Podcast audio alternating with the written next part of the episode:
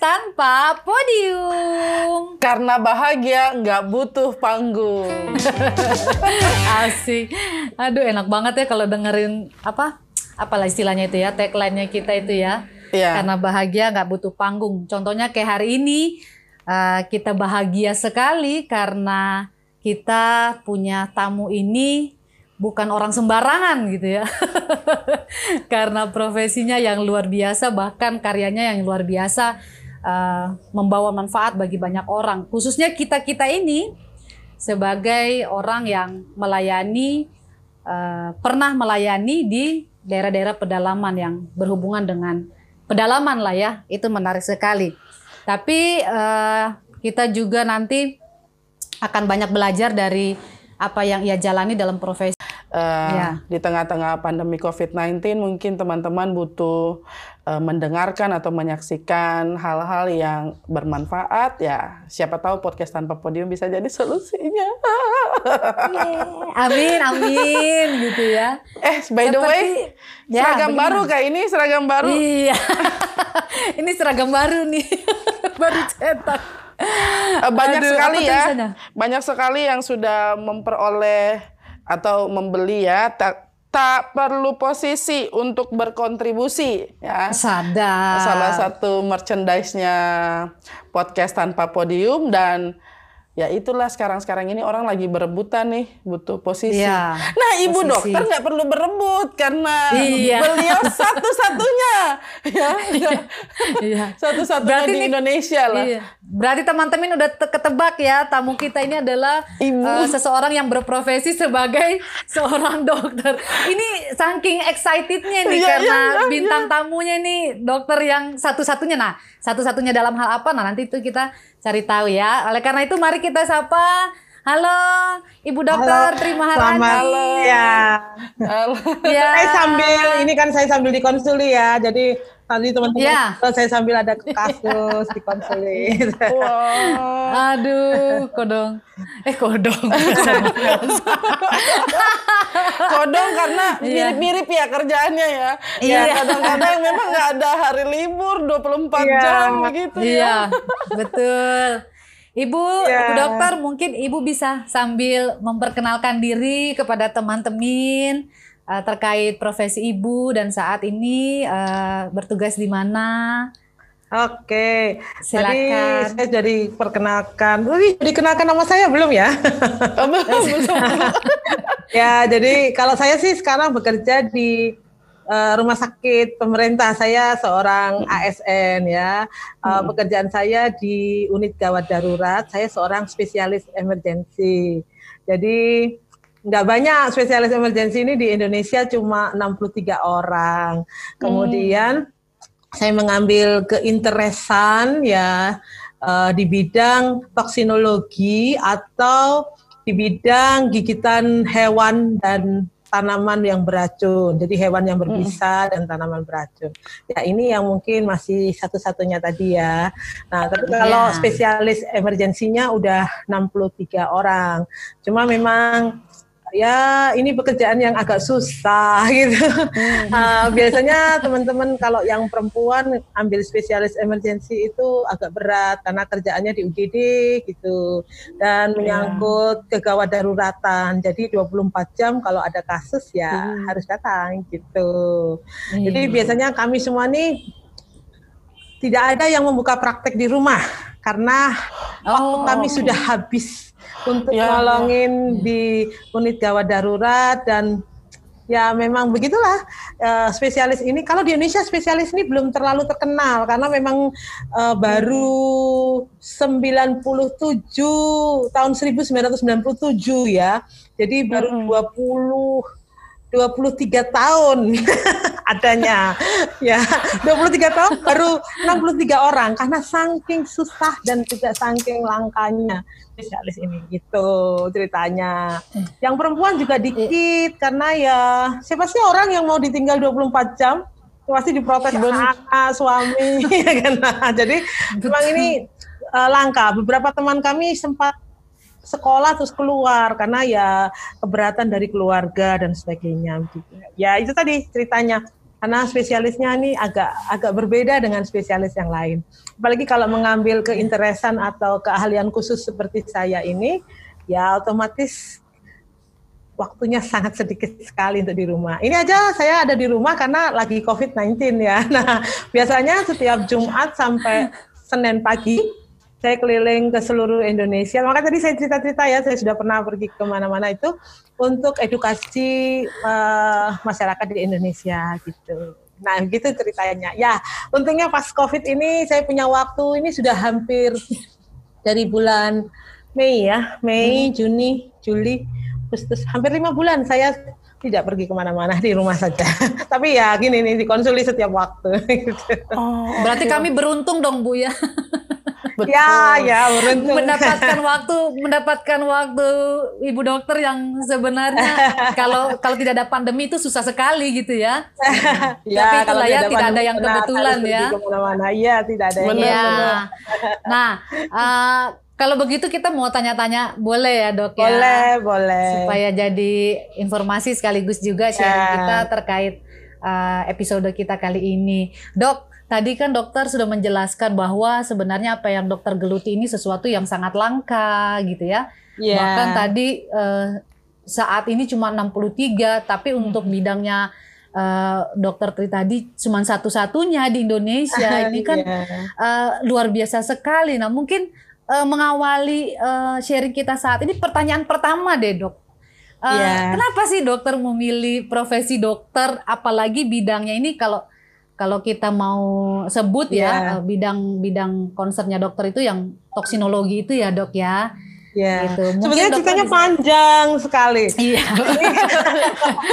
ya, jadi sebetulnya uh, master saya itu di bidang imunologi. Okay. Nah, kemudian saya mengambil spesialis itu pada kali pertama saya diterima di patologi klinik sesuai kan oh. karena memang master di imunologi kalau mau meneruskan spesialis patologi klinik. Hmm. Nah, hari itu di universitas yang saya diterima tadi, masuknya itu jadi kalau saya tes sekarang, masuknya itu masih semester depannya begitu. Hmm. Nah, itu itu saya kira kalau teman-teman dokter yang mau sekolah spesialis zaman dulu pasti paham kata-kata saya karena hmm. memang untuk sekolah spesialis kan antre untuk masuknya begitu kan. Hmm. Nah, kemudian di zaman dulu itu uh, kita bisa uh, tes beberapa spesialis. Tapi sebenarnya saya tidak punya keinginan tes banyak spesialis. Cuma begini, di hari itu selesai saya diterima di patologi klinik di universitas salah satu universitas di Jawa Timur itu, saya pergi ke kota lain di Jawa Timur. Nah, okay. kemudian saat itu sahabat saya sedang tes di bidang emergensi ini. Oh. Nah, padahal saya sudah diterima di unitas uh, yang lain begitu ya untuk di bidang patologi klinik tadi. Terus teman saya ini uh, ngajak saya untuk ikut tes, uh, bukan ikut tes, ngajak nganterin dia tes gitu awalnya hmm. nganterin dia hmm. tes. Nah, karena dia sudah tahu saya sudah diterima di sebuah uh, bagian yang lain gitu. Kemudian saya datang ke untas itu nganterin teman saya tadi tes Terus saya tanya sama yang ngetes tadi, kan itu ada kayak komite begitu ya, ada banyak orang. Hmm. Saya tanya, semisal saya mau tes ini juga, bagaimana? Oh ini syaratnya ini, ini, ini. Nah, saya nggak bawa semua syarat itu, karena saya sudah diterima hmm. di unitas yang lain. Cuma hmm. saya uh, pingin sekali ikut itu. Saya nggak tahu itu dorongan dari mana. Nanti pada akhirnya saya baru tahu. Nah, jadi akhirnya nggak tahu gimana. Saya ikut tes hari itu dan diterima. Begitu. Nah, sekarang saya bingung kan, diterima di dua sekolah iya. spesialis gitu kan. Nah, kemudian di semester dijanjikannya kita harus menjalani masa sekolah spesialis itu, saya bingung harus milih yang mana. Hmm. Tapi memang uh, saat itu saya ada di sebuah pilihan yang susah. Eh, spesialis yang pertama ini spesialis yang sudah mapan dan secara ya. kalau sekarang nih spesialis yang punya duit tuh ya, patologi klinik tuh ya. Nah, dan tidak kalau seorang wanita, seorang istri misalnya tidak perlu pergi ke mana-mana, dia tinggal di rumah aja dikonsuli begitu sudah sudah oke. Okay. Hmm. Sedangkan spesialis yang kedua tadi yang emergensi tidak bisa begitu. Satu ya. itu kerjanya capek sekali dan resiko nyawanya sangat tinggi dan juga uh, bebannya sangat berat karena kita harus jaga UGD. Sementara para dokter itu untuk uh, dia lepas dari jaga UGD itu adalah dengan bersekolah spesialis. Oke. Sedangkan ini kebalikan, kita sekolah spesialis adalah untuk jaga Supaya UGD. jaga UGD, ya. Aduh. Nah, jadi kan ini. gitu kan. Nah, cuma hari itu tuh saya ingat di spesialis yang pertama tadi yang saya diterima itu saya itu eh, setiap orang sekolah spesialis kan pasti ada eh, apa namanya uji psikotes sama psikiat- psikiaternya eh, psikiatri ya dan oleh Iya. psikiater jadi kejiwaan dan juga psikolog gitu psikolog saya di unitas pertama itu bilang sama saya saya masih ingat itu dia bilang gini dokter Maha dokter Maha bisa jadi spesialis ini tapi mungkin hanya bertahan satu tahun. Gitu. Oh, kenapa Pak? Saya bilang gitu, karena dia bukan dokter, dia seorang psikolog ya.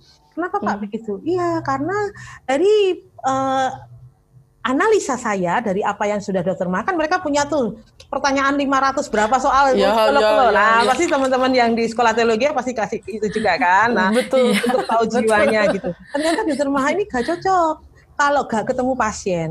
Spesialis pertama itu kan hanya di sebuah kantor, di laboratorium, hanya bertemu feses, urin dan darah, begitu kan? Hmm. Cara ya baru sekarang aja yang ada yang ketemu pasien, tapi kan tidak bertemu setiap hari.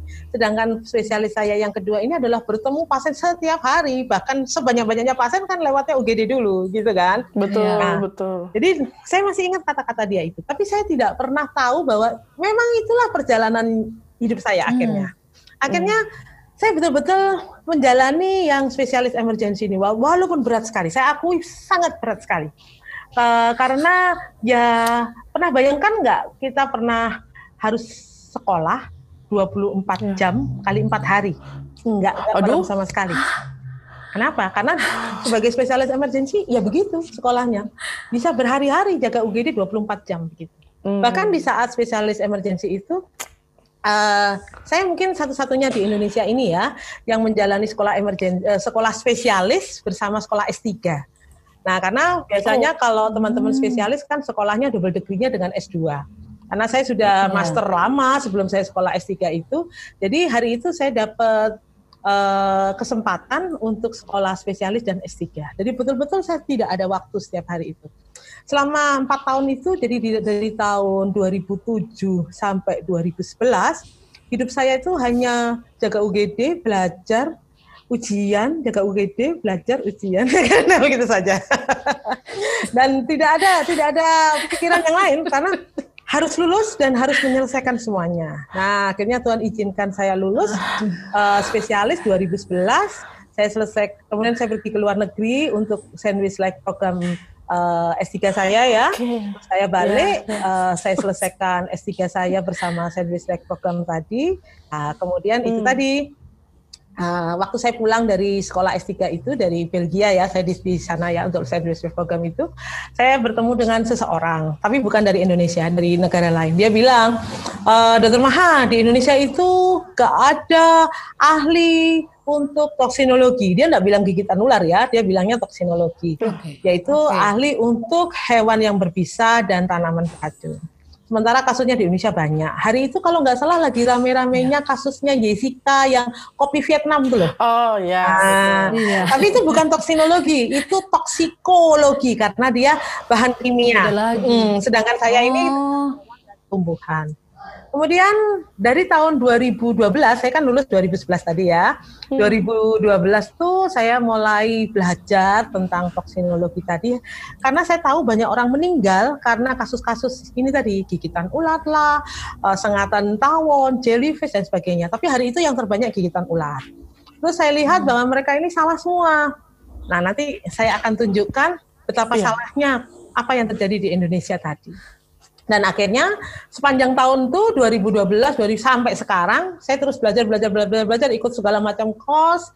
Saya pergi ke hampir 25 negara untuk belajar tentang kasus toksinologi ini dan kalau belajar saja kan sudah semua orang bisa. Tapi hari Ya. itu saya berpikir bahwa kalau saya belajar saja ya tidak ada gunanya. Saya seperti orang yang lain. Itu jadi saya ambil keputusan saya akan membagikan itu secara gratis. Meskipun saya belajarnya itu gak gratis.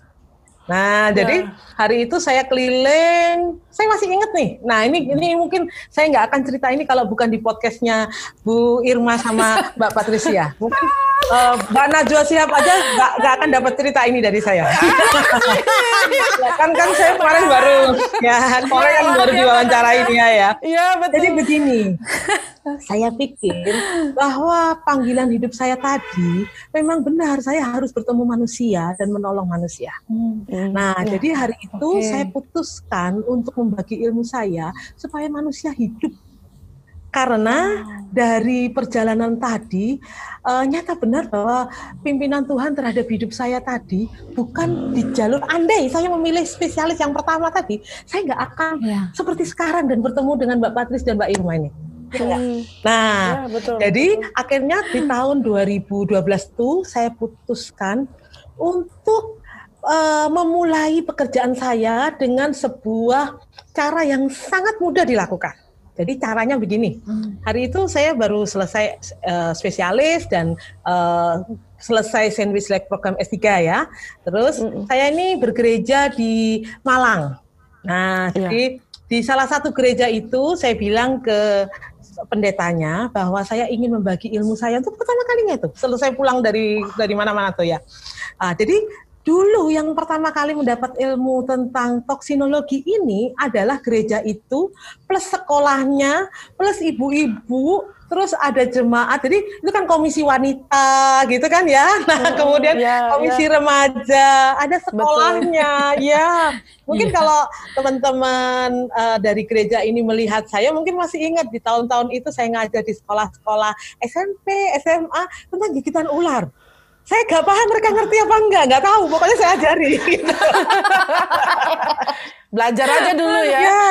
Belajar aja Nah, dulu. Jadi akhirnya eh, saya tahu bahwa ternyata banyak orang tidak tahu dari tadi itu dari jemaat yang awal-awal tadi itu ya, dari dari jemaat gereja itu.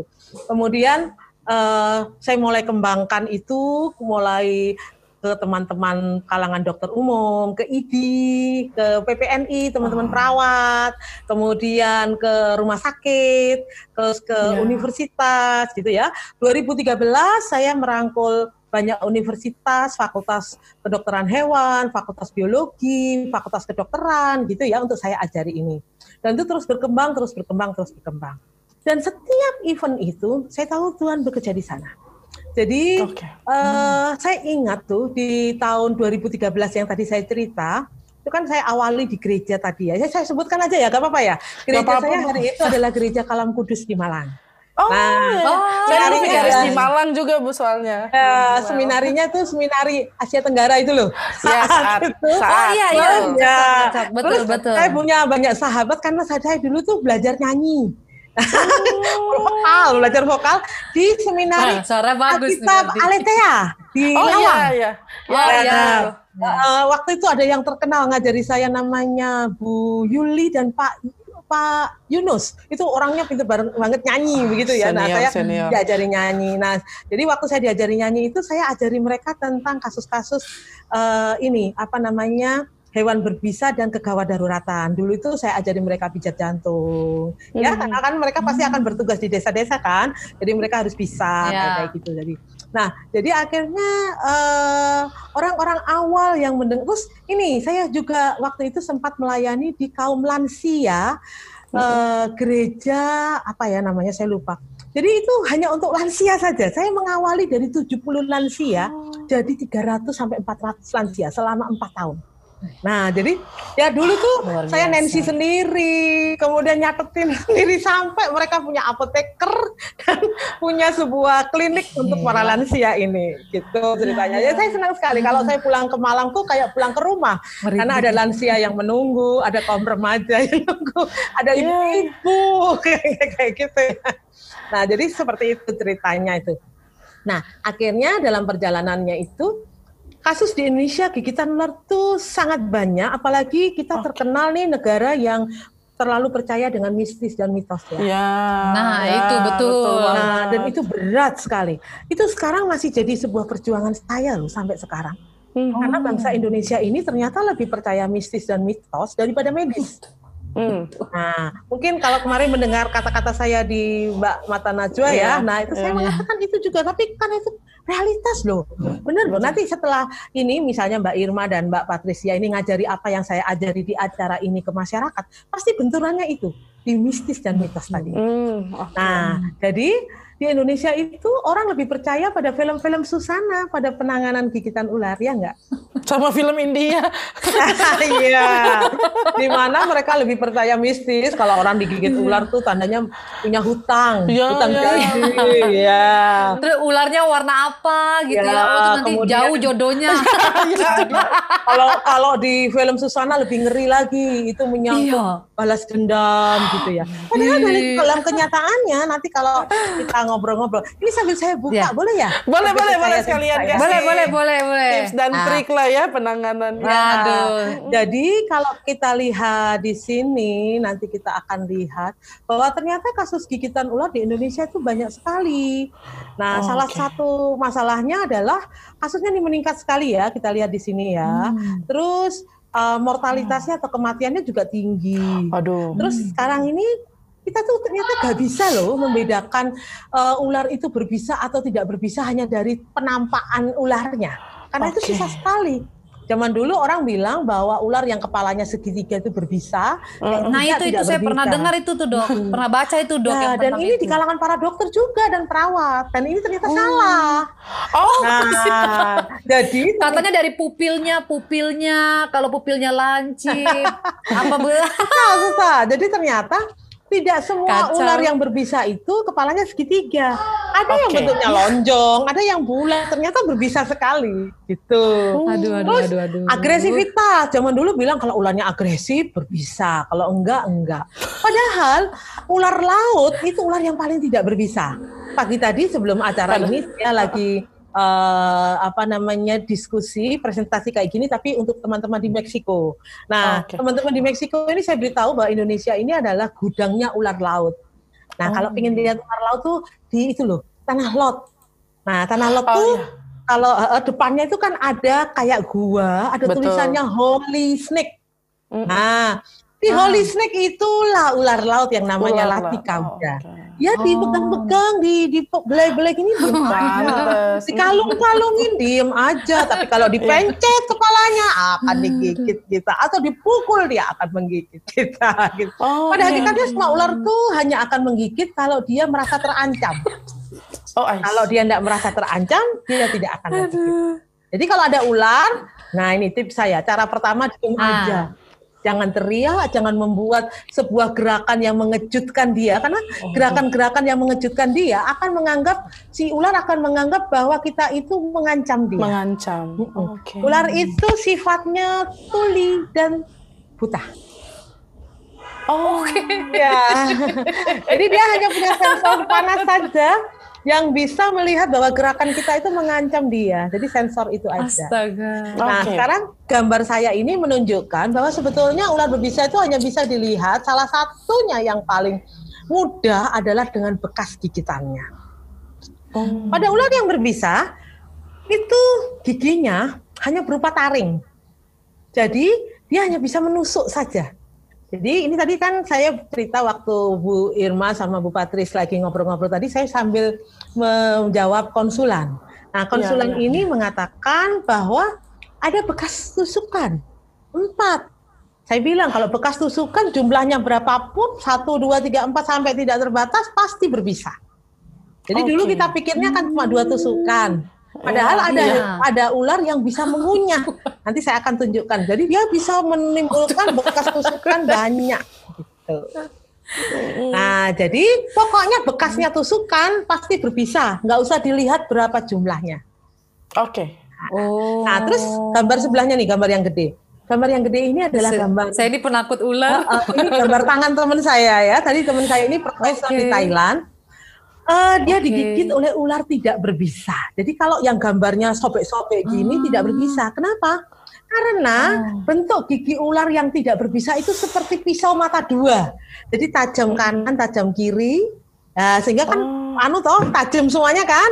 Terus Iya. ujungnya itu Iya. kayak mata kail. Jadi kalau dia eh, gigit seperti gini dan merobek, kalau dia ditarik gitu kan nyantol dan robek. Jadi bekas Ah. seperti itu. Bekasnya adalah se- sebuah abrasio dan sebuah robekan. Jadi luka robek dan luka babras. Nah, jadi kalau ada kayak gini luka robek dan luka babras, apalagi orang itu habis digigit ular berdarah, maka kemungkinan besar adalah ular tidak berbisa. Tidak. Nah, jadi ada dua hal yang Tidak penting berbisa. nih saya katakan di sini. Ada kala kita lihat kalau itu gigitan ular berdarah-darah kita pikir berbisa ya, kita takut ya. Iya. Padahal justru yang berdarah-darah itu biasanya tidak berbisa. Oh, Tapi justru yang cuma tusukan itu yang berbisa. Ya, ada kalanya memang bengkak. Oke, kalau bengkak pasti berbisa. Tapi ada kalanya tidak bengkak dan itu ternyata yang paling mematikan yaitu neurotoksin. Contohnya weling, welang, king cobra, nah itu kayak gitu. Ular-ular Papua itu ular-ular sangat berbisa. Kan dia neurotoksin. Suaminya pendeta Irma di Papua, Bu. ya moga-moga nggak ketemu ular. Amin, amin. Semoga aman. ya, oke. Nah ini lanjut ya. Nah ini Iya. jadi ini eh, anunya golongan-golongannya. Tapi mungkin bahasanya agak susah. Tapi saya saya permudah aja. Iya. Pokoknya semua ular yang sifatnya itu merusak syaraf, itu contohnya ular, ular weling, welang, kobra, king kobra, ular-ular Papua, itu memang eh, bisa ularnya akan menimbulkan kematian yang cepat karena akan menimbulkan kelumpuhan otot-otot napas nih loh. Kalau kita napas ini kan butuh otot untuk membuat eh, dada kita itu naik turun untuk bisa ngambil oksigen, terus mengeluarkan oksigen gitu kan? Iya. Napas sih loh. Nah, kalau itu dilumpuhkan maka dalam waktu 4 sampai 10 menit kita akan gagal nafas. Kegagalan fungsi pernapasan akan membuat oksigen itu gak bisa eh, diserap oleh tubuh kita dan diedarkan ke seluruh tubuh dan menjadi makan sel-sel kita kan, Iya, terutama iya, sel otak. Jadi artinya dalam waktu yang singkat kira-kira 10 menit kalau itu tidak terjadi orangnya bisa mati. Jadi golongan ular yang merusak sistem saraf ini yang namanya elapid sama hidropide ini termasuk ular laut tadi itu memang ular-ular yang cepat mematikan karena kelumpuhan otot-otot pernapasan. Nah, kalau yang viper itu bentuknya agak berbeda, tapi dia menimbulkan perdarahan. Jadi ini biasanya ular pohon, ular hijau, Mhm. atau ular tanah, ular yang coklat itu. Iya, iya, iya. Nah, Saya pernah lihat itu- itu barang. Ya, di Sulawesi ini gudangnya ular hijau. Ah. Jadi Sulawesi, NTT, kemudian eh, Maluku, nah itu Hmm. gudangnya ular hijau itu. Oh, macam-macam, ada yang hijau coklat, ada yang hijau hijau hitam, ada yang hijau biru, ada yang hijau kuning. Nah, tapi intinya dia adalah Trimeresurus species atau yang Viper species. Nah, dia itu bisa membuat perdarahan gak berhenti-berhenti dan orangnya meninggal karena perdarahan. Oh, oke. Nah, jadi kira-kira itu yang yang tiga golongan utama. Nah, golongan yang kolubrid terakhir itu hanya ada satu saja, yaitu ular yang lehernya ada warna merah atau rhabdophis. Hanya ada di Jawa, Sumatera, dan Kalimantan ya. Saya tidak pernah mendengar ada rhabdophis di Sulawesi. Nah, sehingga memang yang golongan ini ya timbulnya hanya perdarahan saja. Nah, sekarang saya akan tunjukkan sedikit tentang ini. Mitos dan mistis tadi. Nah, ini ini Mhm. peperangan yang Ah. susah sekali.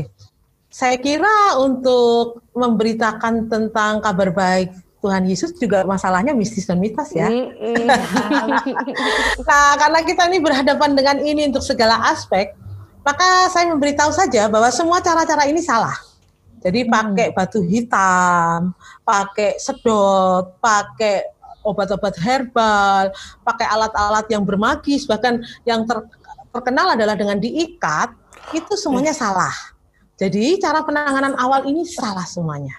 Terus yang benar mana dan kenapa? Itu kan pertanyaannya pasti kan?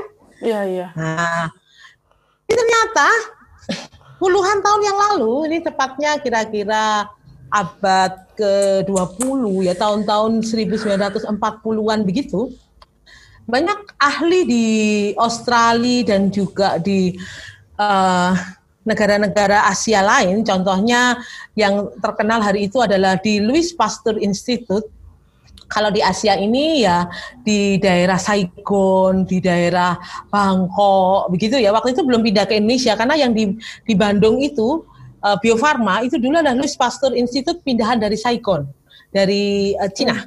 Nah, jadi mereka sudah membuat riset.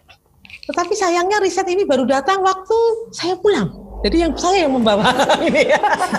Jadi kita ini terlambat puluhan tahun. Aduh. Nah, hari itu disebutkan dari riset itu riset yang paling terkenal dipublish tahun 70 oleh Prof. Sutherland dari Australia. Sampai sekarang Prof. Sutherland masih mendirikan uh, sebuah lab dan sebuah universitas uh, jurusan universitas tentang toksinologi, yaitu uh, bahwa bisa ular tuh lewatnya bukan pembuluh darah, tapi kelenjar getah bening. Jadi lewatnya yang hijau-hijau ini, hmm. bukan lewat yang merah atau biru. Sehingga semua cara tadi dikeluarkan darahnya, dihisap, diikat, dikasih uh, apa tradisional uh, treatment herbal lah, hmm. salah semuanya. Karena nggak mungkin bisa diserap oleh tubuh kita. Dan hmm. finom itu gak mungkin disedot keluar dari tubuh kita dengan bahan-bahan tadi, karena kan ditaruhnya di pembuluh darah. Kan nggak ada orang bisa lihat kelenjar getah bening, ya kan? Nah, Betul. jadi akhirnya semua cara, cara itu salah semuanya. Nah, ketika saya memberitahu itu, wow, reaksinya saya masih ingat ketika pertama kali memberitahukan itu di Jakarta di kalangan beberapa teman komunitas reptil, banyak nggak percaya.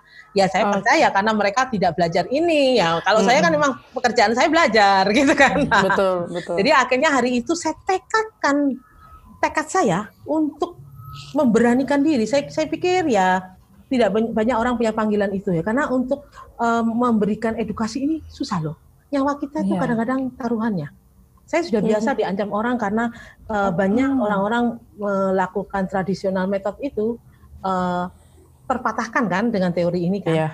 Nah, sehingga lawan saya sekarang bukan lawannya finom lagi, tapi lawan saya adalah manusia yang yeah. mengajarkan hmm. yang lain. Yeah. Nah, jadi itu tersaingi soalnya. Ya kebetulan kalau saya dokter, sebetulnya saya tidak merasa di, disaingi yeah, ya, yeah, tapi yeah, yeah. mungkin karena orang-orang ini, orang-orang ini mengajarkan cara-cara yang tidak ada evidence base medicalnya hmm. dan hmm. betul-betul tidak bisa dijelaskan patofisiologinya. Kalau saya tanya, kenapa kamu melakukan itu? Misalnya dicucuk sama jarum, misalnya apa patofisiologi nggak bisa jawab kan tapi yeah. karena itu adalah hal yang mereka percaya maka mereka berani mempertaruhkan itu untuk uh, memperberat pekerjaan saya, menghalangi saya. Hmm. Nah itu adalah hal yang berat akhirnya. saya kira kemarin waktu baca di Instagram pasti membaca semuanya itu ya kan? Nah, saya waktu membaca ini cuma sedih aja, iya. aduh bangsaku 75 tahun merdeka ya masih nggak percaya iya. gitu. Iya, betul, betul. Ya. Nah, jadi permasalahannya kenapa mereka tidak paham adalah karena buku guideline WHO itu kan baru datang ketika saya pulang tuh. Saya yang membawa guideline WHO 2010, terus saya yang menulis. Jadi saya adalah salah satu penulis buku guideline WHO 2016 yang sekarang hmm. dipakai di seluruh dunia. Nah, ya. jadi akhirnya memang ini perjuangan yang gak mudah apalagi mereka tidak kenal saya ya karena begini biasanya para dokter tuh mungkin kalau Bu Irma sama Bu Patricia sudah biasa di pedalaman para dokter biasanya kan orangnya diem-diem perawat juga begitu. Hmm, kalaupun bener. kalaupun mereka ramah tapi untuk masalah keilmuan ini kan kadang-kadang mereka agak susah untuk me, ini kan ya me, edukasi ya karena yeah, memang yeah. kami biasanya ya sudahlah kalau nggak mau ya sudahlah nanti suatu saat lah pasti percaya gitu-gitu aja. Mm -hmm. Nah tapi hari itu di tahun 2016 saya nggak mau pakai sistem itu lagi. Karena kalau pakai oh. sistem itu lagi, ratusan tahun bangsa Indonesia itu baru akan terselamatkan. Jadi saya pakai cara Paulus menyebar. Mm -hmm terus gitu ya. Nah, makanya tadi saya bilang, saya kalau enggak COVID gini, setiap Jumat saya komitmenkan waktu saya untuk keliling se Indonesia, baik itu dipanggil atau tidak, dan semuanya itu kebanyakan oh, iya, biaya saya iya. sendiri. Nah, bisa ditanya Betul. itu, uh, misalnya Panji tuh, dulu kan bikin pernah bikin vlog sama saya, itu pertanyaannya di Instagram kemarin kan. Nah, mereka yeah. tidak iya. pernah tahu bahwa di tahun 2018 saya sudah pernah uh, diajak Panji untuk membuat vlog tentang first aid gigitan ular itu, dan itu gratis gratis dari saya. Kenapa? Karena saya pikir memang tadi awalnya saya melakukan ini bukan untuk mencari uang, melakukan ini untuk menyelamatkan bangsa Indonesia dari hmm, kematian akibat gigitan ular. Luar biasa. Nah, jadi komitmen selama 8 tahun itu saya jalani meskipun tidak mudah. Saya tahu tidak mudah karena yang kita hadapi ini adalah orang-orang yang mempunyai motivasi-motivasi, banyak motivasi. Bahkan ada hmm. kalanya ketika saya memberikan ini kepada tenaga medis saja, uh, banyak orang mempertanyakan kenapa kok gratis motivasimu apa dan justru dipertanyakan uh, begitu kadang-kadang saya pikir hmm. ternyata menjadi orang tulis di Indonesia susah ya, gitu. ya, ya. Oh, oh, betul Bu, Bu Irma sama Bu Patricia pasti ngalami juga jadi dari sini kita tahu bahwa bisa ular tuh lewatnya kelenjar getah bening. Karena lewatnya kelenjar getah bening, maka kalau itu neurotoksin, tadi kan saya cerita yang melumpuhkan otot-otot, contohnya ular weling, welang, king cobra, kobra, ular laut, kemudian ular-ular Papua, itu pakai dibuat tidak bergerak karena ternyata kelenjar getah bening itu akan mempompakan isinya atau menyebarkan ke seluruh tubuh kalau otot kita bergerak karena dia nempel di semua otot kita ini. Oh, okay. Nah, jadi kalau otot kita bergerak ini kayak saya ya, tangan saya gini-gini ya, maka kelenjar getah bening itu akan meng, uh, pumping atau mempompakan isinya ke seluruh tubuh. Misalnya isinya hmm. itu adalah venom, ya wes akan menyebar seluruh tubuh. Hmm. Nah, Supaya otot tidak bergerak pada kondisi yang neurotoksin, karena neurotoksin tadi kan sedikit aja udah melumpuhkan otot, maka dibuat pakai elastik banded dan imobilisasi pakai kayu itu. Jadi imobilisasi itu adalah dibuat tidak bergerak. Jadi prinsipnya oh. kalau tergigit ular adalah dibuat tidak bergerak supaya kelenjar getah bening tidak memumpakan isi venom tadi ke seluruh tubuh. Nah, ini yang cuma uh, imobilisasi biasa, jika kita tidak tahu jenis ularnya, kan banyak yang kita nggak tahu jenis ularnya. Waktu ditanya, Bu, ibu digigit ular apa-apa ya biru, merah. Saya iya, udah mikir lagi sudah. Terus saya tanya, Bu, ibu tadi nggak ular apa? Gak, aku takut. Nah, iya. biasa kan. iya, iya. Apalagi anak kecil, anak kecil nggak bisa ditanyain. bisa, nah, iya. jadi kalau kita tidak tahu begitu, buat aja tidak bergerak, Bu. Nah, ini. Okay. nanti bolehkah ini nanti setelah saya hentikan slide saya, film tadi itu di, di, diputerkan ya. Karena di situ saya ajari cara melakukan imobilisasi yang benar. Mm-hmm. Jadi cara membuat tidak bergerak. Kalau kita berhasil membuat bisa ular itu tidak menyebar, maka kita akan berhasil membuat dia hanya di fase lokal saja, tidak menyebar ke seluruh tubuh dan menimbulkan fase lebih lanjut yang namanya fase sistemik yang membuat gagal uh, semua organ kita atau kalau kita ngomong tuh multiple organ dysfunction. Nah, kalau terjadi multiple organ dysfunction ya otomatis orangnya mati lah. Karena kalau jantung kena, ginjal kena, otak kena ya sudah lah ya. Nah, jadi yeah. sebetulnya membuat tidak bergerak ini caranya gampang, hanya membuat tidak bergerak saja. Tapi efeknya besar agar dia tidak menjadi kondisi yang lebih menakutkan. Oke, nah ini ya, ini ini uh, saya apa tuh kondisi-kondisi itu? Misalnya perdarahan tadi yang saya cerita ular hijau, ular pohon yang ada banyak di Sulawesi, orangnya tiba-tiba gum bleeding atau gusi berdarah, mimisan, muntah darah, hmm. kencing darah, berak darah, air mata darah sampai seperti hmm. itu. Tapi kalau yang neurotoksin, weling, welang, king cobra atau ular-ular Papua tadi, orangnya tiba-tiba matanya ini nggak bisa buka mata atau ptosis, jadi ini lumpuh yang bagian atas nih. Terus dia sesek karena otot-otot yang di sini kan lumpuh. Tiba-tiba dia sudah nggak napas. Nah, jadi kayak kayak gitu. Nah, ini ya. Jadi ular uh, anti bisa ular di Indonesia cuma ada dua. Sayangnya yang diproduksi cuma satu aja dan itu hanya untuk ular yang ada di Asia. Hanya ada di Jawa, Sumatera dan Kalimantan. Hmm. Sulawesi gak ada. Kemudian Papua ada impor dari Australia tapi harganya mahal, Bu. Saya pernah beli di tahun 2017 tuh untuk membantu rumah sakit Sorong. Itu kalau beli dua, jual mobil satu. Karena harganya oh, satu itu 80 juta. Satu, satu vial. Satu vial untuk satu orang loh. Itu nggak bisa banyak orang lah. Satu orang. Aduh. Jadi orang-orang Papua banyak yang meninggal karena oh, ini. Iya. Nah, di Papua itu juga ada ular putih, kayak White Snake Legend. Masih ingat nggak mm -hmm. film itu? Iya, iya, iya. Film. itu hanya ada kus. Pai Sucen. Ya, itu hanya ada di Papua Barat. Sehingga itu ada ya. Hmm, jadi ini boleh saya matikan dulu ya slide saya ya. ya. Nah, jadi di Papua Barat tuh terutama di Manowari, Sorong, Numfor, Biak, Mansinam, ya tahu ya di mana ya, Injil ya, pertama kali diberitakan di Papua Betul, itu ya. kan di Pulau Mansinam ya. Nah itu Betul, ada namanya ya. ular Mycopeptis ekaheka atau yang terkenal dengan sana ular putih. Nah ular putih ini di seluruh dunia gak ada antivenomnya. Australia pun tidak punya, sehingga angka kematiannya memang sangat tinggi. Uh, selama saya bekerja di Snackpad 8 tahun ini, setiap kasus gigitan ular Mycopeptis ekaheka di Papua Barat tadi gak ada yang hidup.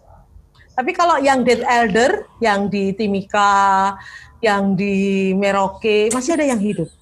Yang ada di daerah-daerah uh, Jayapura juga masih ada yang hidup. Tapi yang tadi khusus di Papua Barat tuh tidak ada yang hidup. Dan itu menjadi pergumulan kami yang berat ya, karena uh, nyawa itu harganya tidak terbatas. Ya, satu nyawa saja. Betul. Dan ya itulah menurut saya memang itu menjadi sebuah pergumulan yang besar untuk kita menolong teman-teman di Papua ya. Nah, terus selanjutnya bagaimana dengan first aid tadi? Nah, first aid tadi adalah membuat tidak bergerak bagian yang tergigit ular. Jadi kalau tergigitnya di tangan kanan, yang yang tidak bergerak ini yang kanan, jangan yang kiri, gak ada hubungannya. Jadi yang kanan aja dibuat tidak bergerak. Nah, misalnya kita pergi ke yang banyak terjadi itu kalau digigit di tangan kan kita ini uh, pergi ke sawah atau ke hutan atau di sungai atau kena rerumputan gitu kan. Jadi caranya adalah kalau kita tergigit langsung dibuat tidak bisa digendong. Memang hmm. kalau nggak ada kayu kayak tadi ya ataupun slim slam kayak tadi paling bagus adalah pakai sesuatu yang bisa untuk membuat tidak bergerak. Saya sih kalau ibu-ibu bisa digendong, bisa dimasukkan ke bajunya. Jadi bajunya buat buat ngendong tangan kayak orang patah tulang tuh loh Nah, kalau iya. kaki ya memang ini agak susah. Kalau kaki harus digendong orang lain, gitu. Jadi nggak boleh berjalan. Hmm. Kalau dia berjalan akan dengan cepat menyebarkan. 2015 saya itu ada satu kasus besar. Tapi Tuhan pakai kasus itu untuk membuat training gigitan ular itu dibutuhkan banyak orang di Indonesia. Mungkin hmm. Bu Patris sama Bu Irma masih ingat, waktu itu ada seorang penyanyi dangdut digigit king cobra, namanya Irma Bule di Kerawang. Hmm. Nah, betul, betul, betul. Tahu nggak kenapa dia meninggal? Karena sehabis digigit, dia dilakukan dia pertolongan oleh si pawang, cuma disedot saja. Tadi saya bilang bisa ular tidak lewat pembuluh darah kan? Jadi kalau disedot ya percuma, betul. bisa ularnya tetap nyebar karena yang disedot dia cuma darahnya. Dan dia terus nari-nari begitu kan? Nah, karena dia yeah, tidak yeah, berhenti yeah. bergerak, maka dengan cepat sekali si Venom tadi hmm, beredar dan menyebar seluruh tubuh akhirnya hanya dalam waktu beberapa jam ya satu jam atau setengah jam gitu dia sudah henti nafas. Dan dia dibawa ke rumah sakit udah terlambat. Meninggal kan akhirnya Bu ini Bu Irma sama Bu Patrisi ya, Irma ya. Bule. Nah Benar, jadi ya. semenjak hari itu saya banyak sekali orang-orang yang tanya terus bagaimana Dokter Maha? Berarti cara-cara kami selama ini yang ditunjukkan film-film Susana film-film uh, sinetron kemudian acara-acara di TV salah semua. Ya dan yang memberitahu salah itu bukan dokter Maharani loh, bukan. Yang buat riset itu ratusan ahli yang dikumpulkan oleh WHO dalam buku guideline. Jadi bukan dokter Maharani yang membuat riset, bukan. Saya ini tugas okay. saya adalah hmm. membawa riset itu ke Indonesia dan ngajari guideline tadi atau pedoman tadi hmm. untuk bangsa kita supaya tidak salah, supaya tidak tersesat oleh mistik yang berbau uh, horor, yang berbau apa uh, film-film menakutkan gitu dan mitos yang yang merupakan cerita yang di ceritakan turun temurun turun temurun tapi ternyata salah. Nah, jadi uh, sebetulnya mistis dan mitos itu agak berbeda. Hanya saja memang bangsa kita ini itu kan tradisi, dokter Mahasalah. Kalau tradisi itu goal akhirnya benar, tapi kalau mistis dan mitos, goal akhirnya hmm. itu adalah sesat atau salah. Dan ternyata itu susah loh, Bu. Hmm. Karena uh, membuat cing mindset si kita ini dari mindset yang dulu begini dulu bisa ular lewat pembuluh darah dan sekarang bisa ular lewat kelenjar getah bening sangat susah sekali. Jadi menurut saya itu harus diperjuangkan di kurikulum anak-anak TK atau SD. Kalau zaman saya dulu kan ada namanya UKS, usaha kesehatan sekolah. Nah, ya, harusnya mereka ya, diajari ya, itu betul. bahwa untuk gigitan ular caranya untuk uh, penanganan awal atau first aid itu adalah dibuat tidak bergerak. Dan ini saya sudah usulkan ke Kementerian Pendidikan dan juga Kementerian Kesehatan agar masalah seperti ini masalah uh, gigitan hewan berbisa terus sekarang ini masalah bencana itu diajari kalau enggak anak-anak kecil hmm. kalau waktu bencana tsunami mereka lari ke mana? Waktu Palu itu saya tanya, kamu waktu hmm. itu land down kamu lari ke mana? saya lari keluar ternyata tanahnya turun. nah jadi memang ada banyak hal yang harus ada revisi dalam kurikulum pendidikan itu. Jadi uh, pendidikan masyarakat, pendidikan dokter, perawat, bahkan pendidikan bangsa ini, karena ada banyak sekali hal-hal yang ternyata harus diperbaharui, diupdate ya. betul betul. Aduh luar biasa ya uh, dokter Maha penjelasan. Teman-teman nanti kalau mau tahu video yang tadi sempat di ya nanti di share saja ya. Bu Maha nanti kita share nanti akan ada ya, link boleh. untuk uh, teman-teman bisa cek uh, video tersebut supaya sama-sama kita belajar ya. Karena kadang-kadang kadang-kadang belum eh, apa ya belum tentu apa yang kita lihat di sinetron kah apa barang itu iya. berdasarkan riset nah, ini udah orang-orang yang memahami ya mari kita belajar bersama untuk yeah. memaknainya dengan baik Termasuk kita berdua ya Usi, kan kita belum Betul. ada di kota-kota terus. Siapa tahu nanti kita iya, karena kasus terakhir itu justru ada di kota kan. Nah, nah jadi misalnya di Jakarta tahun nah. 2019 tuh tiba-tiba banyak kobra. Karena itu kan habis banjir. Oh. Sehingga oh, telur-telur iya, iya. itu iya. banyak di mana-mana. Tiba-tiba hmm. di saat suhu turun, jadi biasanya telur-telur itu menetas dalam kurun waktu tertentu. Nah, ketika dia menetas bersamaan, ternyata seluruh kota Jakarta penuh dengan kobra, gitu kan? Waktu hmm. itu saya sampai dipanggil, betul, Bu, ini di betul. sini Citayam ada kobra, di Bogor ada kobra, di Jatinegara ada kobra, kayak gitu. Bahkan hmm. ini rumahnya Roy Martin ada kobra.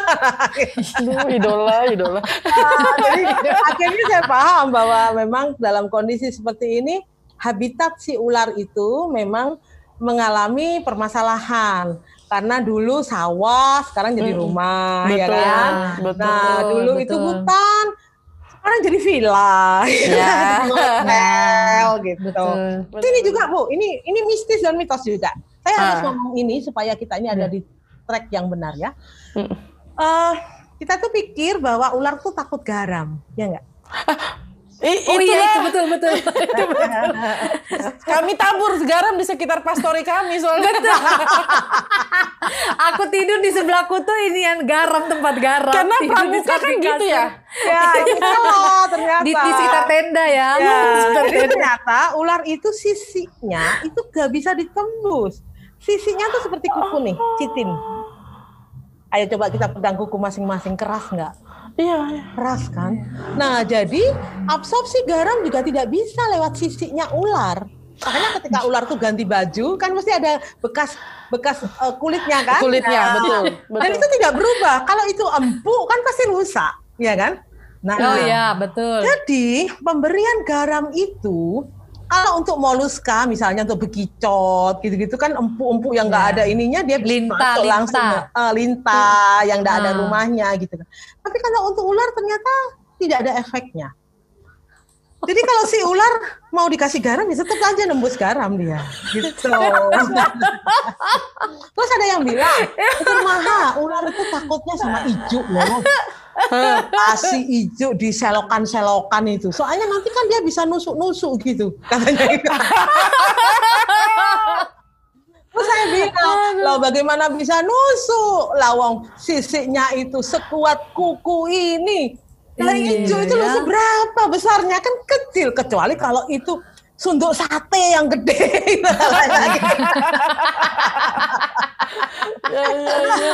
Nah, jadi hijau pun tidak akan membuat si ular itu takut. Terus ada lagi yang bilang, oh kalau gitu dok, aku udah kasih tuh sampai itu diperagakan sama dia, super pel. Kemudian aku kasih uh, apa yang putih-putih itu bu, yang untuk WC, apa namanya? Wipol, wipol. ya. Wipol, ya. Putih tuh mati semuanya. Terus aku bilang, eh itu ular uh, apa namanya bukan ular aja mati kok iya kan so, yeah, karena itu kan memang asam dan basa kuat kan nah mm, -hmm, jadi yeah. ini memang tidak bisa mengusir misalnya ya kamar mandi kita kita kasih wipot keliling gitu oh, terus kita kasih super pel keliling gitu karena kita pikir ular itu bau menyengat tuh lari Enggak. Di buku deadline WHO disebutkan tidak ada yang membuat ular itu lari. Bahkan kemis uh, itu kan bahan-bahan kimia ya. Jadi bahan-bahan kimia pun tidak akan bisa membuat dia lari. Memang kalau dia disoi sama wipot ya matilah karena itu kan asam dan basah toh ya. Nah, Mhm. cuma kalau kita taburi wipot ataupun super pel itu di sekeliling rumah kita dia akan lari. Enggak, itu salah itu.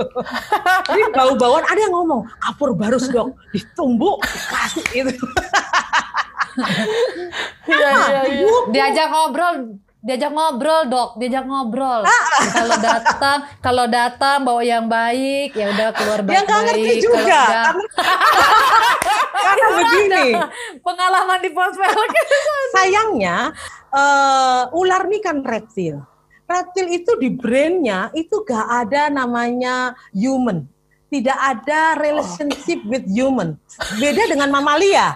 Kalau anjing, kucing, lembu, ya misalnya kambing gitu kan dia masih tahu ini majikanku, ini temenku manusia. Kayak Ular anjing tuh. Nah, anjing tuh tahu rasa sayang kepada kita gitu kan. Kucing juga sama kan. Nah, nah di brainnya reptil gak ada. Di brainnya reptil cuma ada satu pikirannya. Food, food, food, dan food. Oh, makan dan makan. Dia not in a relationship, ya in Ya, relationship. dan dia juga soliter hidupnya, Bu Irma. Oh ya. Jadi Ah, iya, nggak itu salah tuh di film-film yang bilang kalau kita bunuh satu ular besok paginya eh, datang yang keluarganya akan rombongan. datang balas dendam. Karena matanya ngerekam.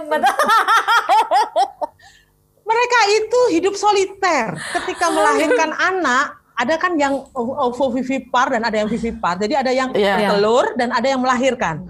Ya. Semua jenis ular itu tidak akan kenal mana ibunya, mana anaknya, mana suaminya, gak ada. Oh. Nah itu bedanya dengan tawon. Kalau tawon satu koloni mereka tahu. Betul, Mereka benar. punya feromon sehingga kalau kita di untuk Iya, satu tawon dia tempelkan hormon itu teman-teman yang lain tahu. Oh itu sasarannya gitu. Kalau ular tidak. Jadi tidak ada hormon pertemanan tidak ada di ular. Jadi mau ngomong apa pun nggak ngaruh. Ya, jadi kalau ular masuk rumah kita hanya satu masalahnya. Berarti di rumah Oke. kita ada makanannya. Oke. Oh. Nah, makanannya apa? Tikus. Makanannya tuh tikus, karena Aku banyak ular yang lain, unggas. Nah ini saya punya cerita. Di tahun 2012, saya itu jadi dokter di agak agak desa gitu ya, karena itu rumah sakit paru. Zaman dulu rumah sakit paru tuh kan ada di tempat yang tinggi supaya seger, supaya orang-orang TBC itu cepat sembuh gitu kan. Nah ini Iya. sama, ini rumah sakit zaman Belanda, saya kerja di sana. Nah terus sore itu perawat saya bilang, Mas Maha, rumah saya kalau malam tuh kok rame ya, aku takut. Oh ya Mhm. kenapa? Ya nggak tahu dok, di kandang ayam takut aku. Nah oke ya wes, aku nanti malam tidur sana gitu kan ya. Namanya eh, apa namanya rumahnya kan di kompleknya rumah sakit. Jadi rumah sakit saya itu rumah sakit di atas gunung gitu sehingga perawat dan dokter tuh rumahnya di sekitar situ. Kami punya kira-kira 30 rumah dinas karena zaman Belanda ya rumah zaman Belanda. Oke saya tinggal di situ semalam itu memang benar kira-kira jam 10 tuh rame kandang ayam. Namanya ayam besar, ayam kecil wah, kuku kuku macam-macam gitu ya. Nah, apa gitu ya. Kami intip apa? Ternyata seekor kobra 3 meter makan anak-anak ayam tuh. Karena dia kenyang makan anak ayam ke-8, dia gak bisa gerak. Oh, oh. Dengan mudahnya perawat saya nih mukul kepalanya dan matilah si kobra itu. Sekarang jadi spesimen saya untuk ngajar. Oh. Jadi eh, ular masuk ke dalam rumah perawat saya tadi karena ada unggas yang banyak. Jadi dia pelihara ayam dan pelihara ayam itu kan bertelur kan punya anak-anak kecil-kecil kutuk-kutuk kecil-kecil gitu. Nah, Iya, iya. sehingga yang diincar oleh si kobra ini adalah anak-anak ayam yang kecil yang makanannya dia. Habis 8 anak ayam. Nah, jadi sebetulnya kalau rumah kita kemasukan ular, nah berarti di rumah kita ada tikus, ada unggas, ada katak. Ada tikus Kadang-kadang kan mungkin kita punya kolam yang jarang dibersihkan, sehingga banyak katak di sana kan. Nah, Betul. jadi itu yang diincar oleh si ular. Hakikatnya ular tuh di brainnya dia cuma food, food, food, dan food. Dan dia tidak pernah lihat tuh manusia, misalnya Bu Patris ini cantik ya, oke aku tak ke sana ya, gitu. Iya, bukan karena jodoh sudah mau dekat gitu ya Bu ya. Gak ngaruh. Nah, jadi ternyata tidak ada hubungan antara jodoh dengan ular karena dia tidak Iya. bisa melihat. Dia buta dan tuli. Iya, gitu. Aduh, Dia hanya punya indera yang namanya Jacobson tadi itu untuk me- eh, deteksi panas dan mendeteksi gerak sehingga dia bisa Hmm. tahu ini kira-kira mengancam dia atau tidak. Wah ini informasi yang luar biasa eh, untuk kami Betul. berdua juga teman-teman yang mendengarkan dan Iya. menyaksikan pastinya mudah-mudahan ini bisa ber- mengubah ya mental kita. Ya, jadi kalau ada Iya, ular dan satu, kita juga. kalau kita ingin membunuh, resikonya tinggi. Kenapa? Karena si ular akan tahu gerakan kita itu mengancam dia. Justru dia akan bisa menggigit kita. Jadi kalau ada ular tuh diem aja. Mungkin saya susah untuk kaum wanita. Kita pasti teriak, teriak. Iya. saya tidak bisa, saya berteriak. betul betul memang tidak harus tenang ya. Uh-uh, harus tenang, jangan panik dan lain sebagainya. Iya. Nah ini juga sebenarnya mirip-mirip dengan situasi saat ini nih. Eh, bukan hanya kita eh, soal ular ya. Bangsa ini juga lagi sibuk dengan COVID-19 kan ya dunia inilah ya termasuk kita di Indonesia. Lalu eh, ada yang bilang teori konspirasi, bahkan yang terakhir seperti yang di mata Natsua itu ya, ada yang bilang nakes makan untuk ada banyak tempat loh bu. Ya, ya, ya, saya tahu juga itu. Bahkan or- ya orang-orang terdekat kita bilang ah itu bisa-bisanya aja supaya dapat insentif dan lain sebagainya. Ya, saya juga kasihan nih ada beberapa peristiwa keluarga itu ini yang terjadi tiga hari yang lalu ya. Jadi keluarga itu tidak mau merawat inapkan orang yang kena COVID karena mereka takut stigma. Nah, Hmm, jadi dipulangin tuh dari rumah sakit padahal baru satu hari dan orangnya tuh sesak. Bayangkan orang COVID tuh sesak banget. Saya kan penyintas COVID ya, saya pernah ngalamin Iya. COVID ya. Jadi saya tahu rasanya tuh sesak sekali. Dikontrakkan rumah di daerah yang jauh supaya orang nggak tahu kalau dia COVID. Gimana? Oh tuh. Ngeri banget kan? Nah, Iya, kemudian dia meninggal. Pada waktu meninggal, keluarga yang lain memberitahu kami. Nah, karena kan kami ini memang ada grup untuk saling menolong orang-orang COVID begitu ya, namanya Survivor COVID-19. Nah, terus kami cari, kami telepon ke dinas kesehatan. Dinas kesehatan, oke, saya akan bantu pemulasan jenazahnya. Karena ini jenazah COVID kan. Nah, dia datanglah ambulan dari puskesmas ke situ. Jenazah udah gak ada. Nah, kan kita bingung. Terus jenazah ini dibawa ke mana? Kan bahaya, ya kan? Jadi ternyata Iya. jenazah itu dibawa ke salah satu rumah sakit dan entah bagaimana di rumah sakit itu didiagnosa sakit bukan COVID, diantar ke salah satu kota yang lain untuk dikuburkan jauh loh. Oh. Kota itu di lain provinsi, bayangkan.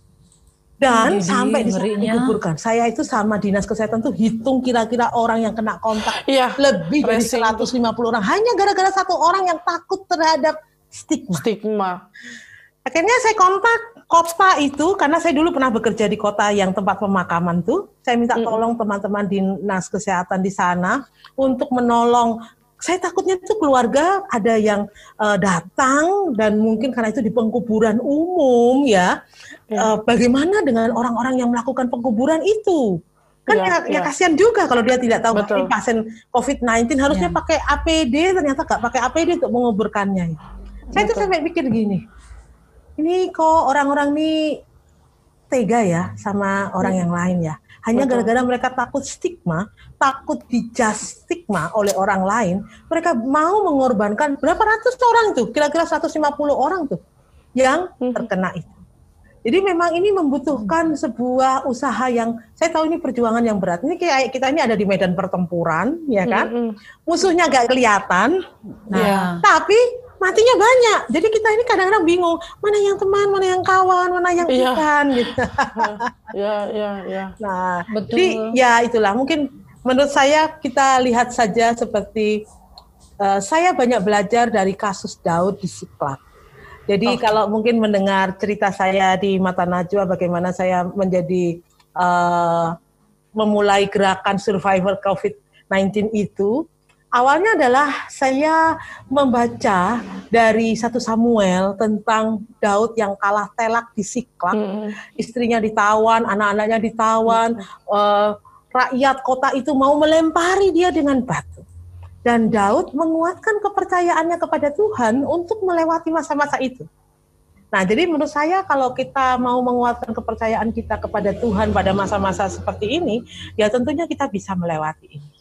Dan itu oh. memang tidak mudah. Waktu uh, banyak orang mengatakan bahwa semua ini adalah konspirasi, bahwa semua ini yeah. sebetulnya adalah karena kita ingin mendapatkan uh, salary yang lebih banyak. Mm. Gitu. Saya pikir yeah, gini, yeah. harga nyawa kami itu tidak terbatas dan sangat yeah. mahal dan tidak ya, mungkin kami betul. mempertaruhkannya untuk sesuatu yang baunya adalah bau panah kan ya, nyawa ya, kami ya, itu ya. Uh, uh, nyawa kami ya. harganya sangat ini kan dan eh, hal-hal uh, yang seperti itu memang pada masa yang seperti ini banyak orang yang tidak ikut nalar itu lagi. Gitu. sehingga mereka yang mereka pikir kita lah ini musuh mereka itu kita gitu. Padahal hmm, sebenarnya musuh betul. musuhnya mereka adalah covid bukan kita. Betul betul Mungkin karena musuhnya nggak kelihatan jadi cari-cari ya, musuh ya, kali ya. Itu, itu saya kesulitannya di COVID-19 ini ya. ya jadi ya. kalau di COVID-19, kalau saya tadi cerita di ular tuh jelas ularnya kelihatan Betul. ya kan. Betul. Ataupun misalnya nggak kelihatan tapi kan kita bisa cerita oh tadi warnanya gini, tadi itu gini. Ya. Atau kalau kita lupa semuanya masih ada bekas gigitannya kan. Nah, ya, ya, sedangkan ya. di COVID-19 standar dan gejala tuh gak pasti. Bahkan beberapa orang kemarin tuh waktu saya masih jadi relawan di Sulianti ya, seger bekur. Umur 20 tahun. Tidak ada komorbid. Hari itu semua orang bilang, oh oke, okay. COVID ini nggak bahaya kok, dokter mahal, hmm. asalkan kita nggak punya komorbid. Saya bilang hmm. tidak. Itu tetap akan berbahaya walau kamu masih umur 20 tahun dan tidak ada komorbid. Karena hmm. dari beberapa kasus tuh ternyata mereka juga meninggal tanpa yeah. komorbid umur. Kan anak-anak Indonesia ini memegang rekor kematian anak-anak terbanyak untuk oh, COVID-19. Nah, jadi jadi memang ini adalah virus hmm. yang betul-betul tidak kelihatan. Hmm. Saya kira ini adalah filter kita di abad 21 ini ketika kita tidak bisa uh, melakukan aktivitas kita, misalnya kita gak bisa ke gereja, kita gak bisa bersekutu, jadi kita hanya bisa bersama Tuhan saja kan? Ya, ya. Nah, betul, jadi betul, itu artinya betul. adalah filter yang paling betul, kecil. Betul.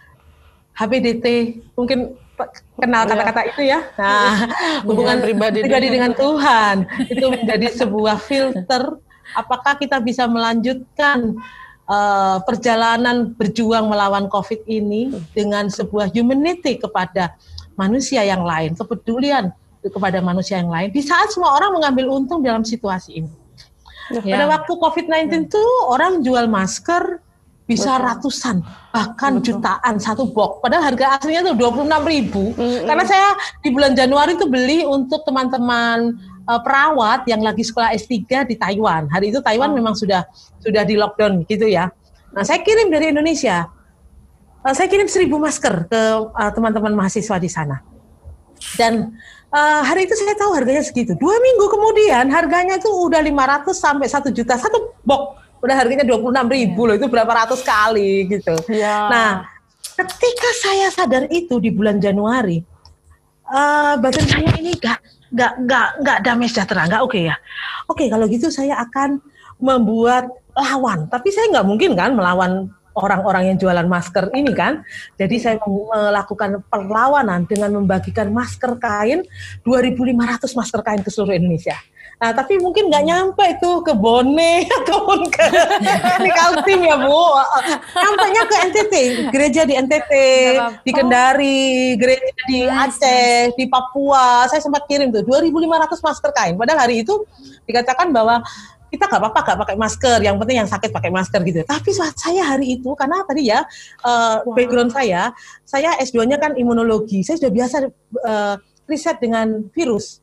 Kemudian hmm. S3 saya yeah. biomedik juga saya punya riset-riset tentang virus. Jadi hari itu saya tahu kalau virus ini airborne, kalau kayak gini nih kan airborne ya meskipun baru yeah. airborne ya. terbukti yeah. baru beberapa bulan yang lalu ya. Nah, Benar. jadi kita yeah. harus pakai masker semua. Jadi saya bagikan masker kain itu mulai dari tukang becak, pedagang kaki lima, sampai teman-teman gereja di di NTT lah, di Kendari dan sebagainya.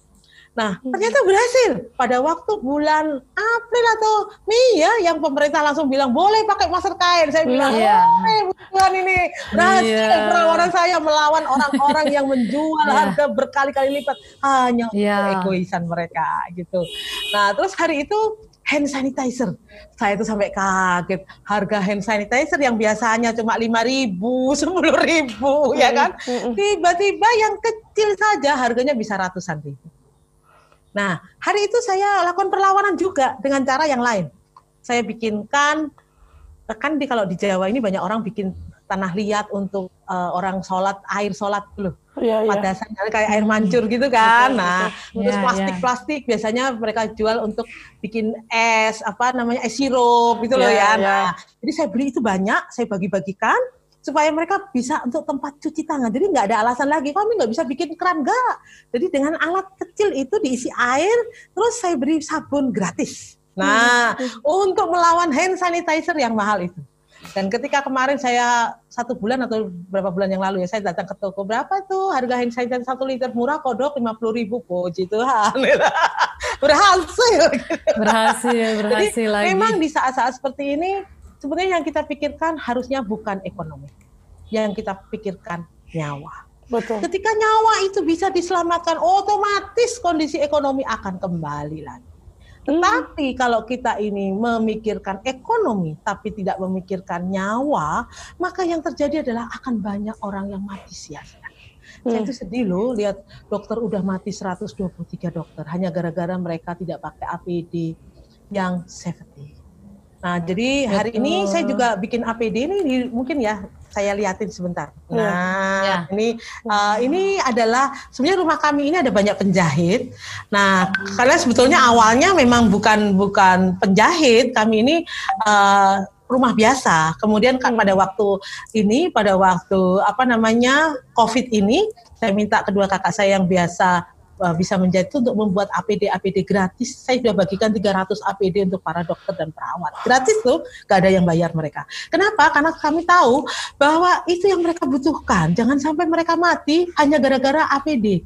Jangan sampai mereka ya. mati hanya gara-gara N95 yang harganya tidak sesuai dengan nyawa kami. Ya, jadi, betul. ya, jadi akhirnya ya itulah dan ya ketika saya mengalami COVID-19 sendiri, mengalaminya sakit, saya tahu bahwa itu diizinkan Tuhan, terjadi dalam kendali Tuhan mm-hmm. ya. Akhirnya saya sadar bahwa ada yang lain selain semua barang-barang itu. Ternyata butuh sebuah grup survival COVID tadi yaitu untuk support, ya. baik itu lewat WA, lewat ini barusan tadi waktu kita ngobrol ada satu orang dokter teman saya yang positif COVID-19 bilang, Dokter Maha terima kasih, care pack-nya udah datang. Jadi kami buat care pack. Oh. Care pack-nya itu sederhana sebetulnya. Ada yang kue, ada yang buah, ada yang isinya cuma yeah. sanitizer, masker.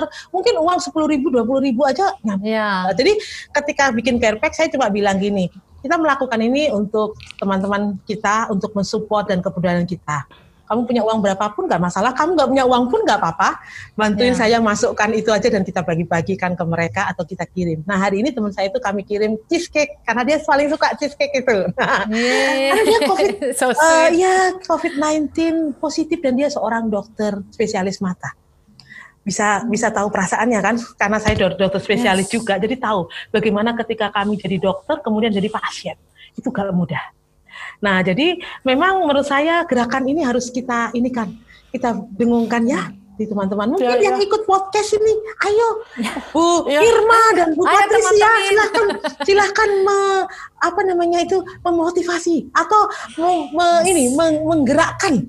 Kemarin saya ya. diminta UNESA Universitas Surabaya untuk ngomong ya. seperti ini. Saya bilang UNESA berapa mahasiswanya? Katanya 15 ribu mahasiswanya bilang 15 ribu itu menyisikan uang seribu aja udah jadi banyak dan bisa iya. buat teman-teman kita ini gitu karena mereka ini butuh kepedulian mereka harus bisa melawan stigma karena jangan sampai tadi ya ada orang karena takut stigma Betul. mengorbankan 150 orang yang lain hanya gara-gara ketakutan sendiri.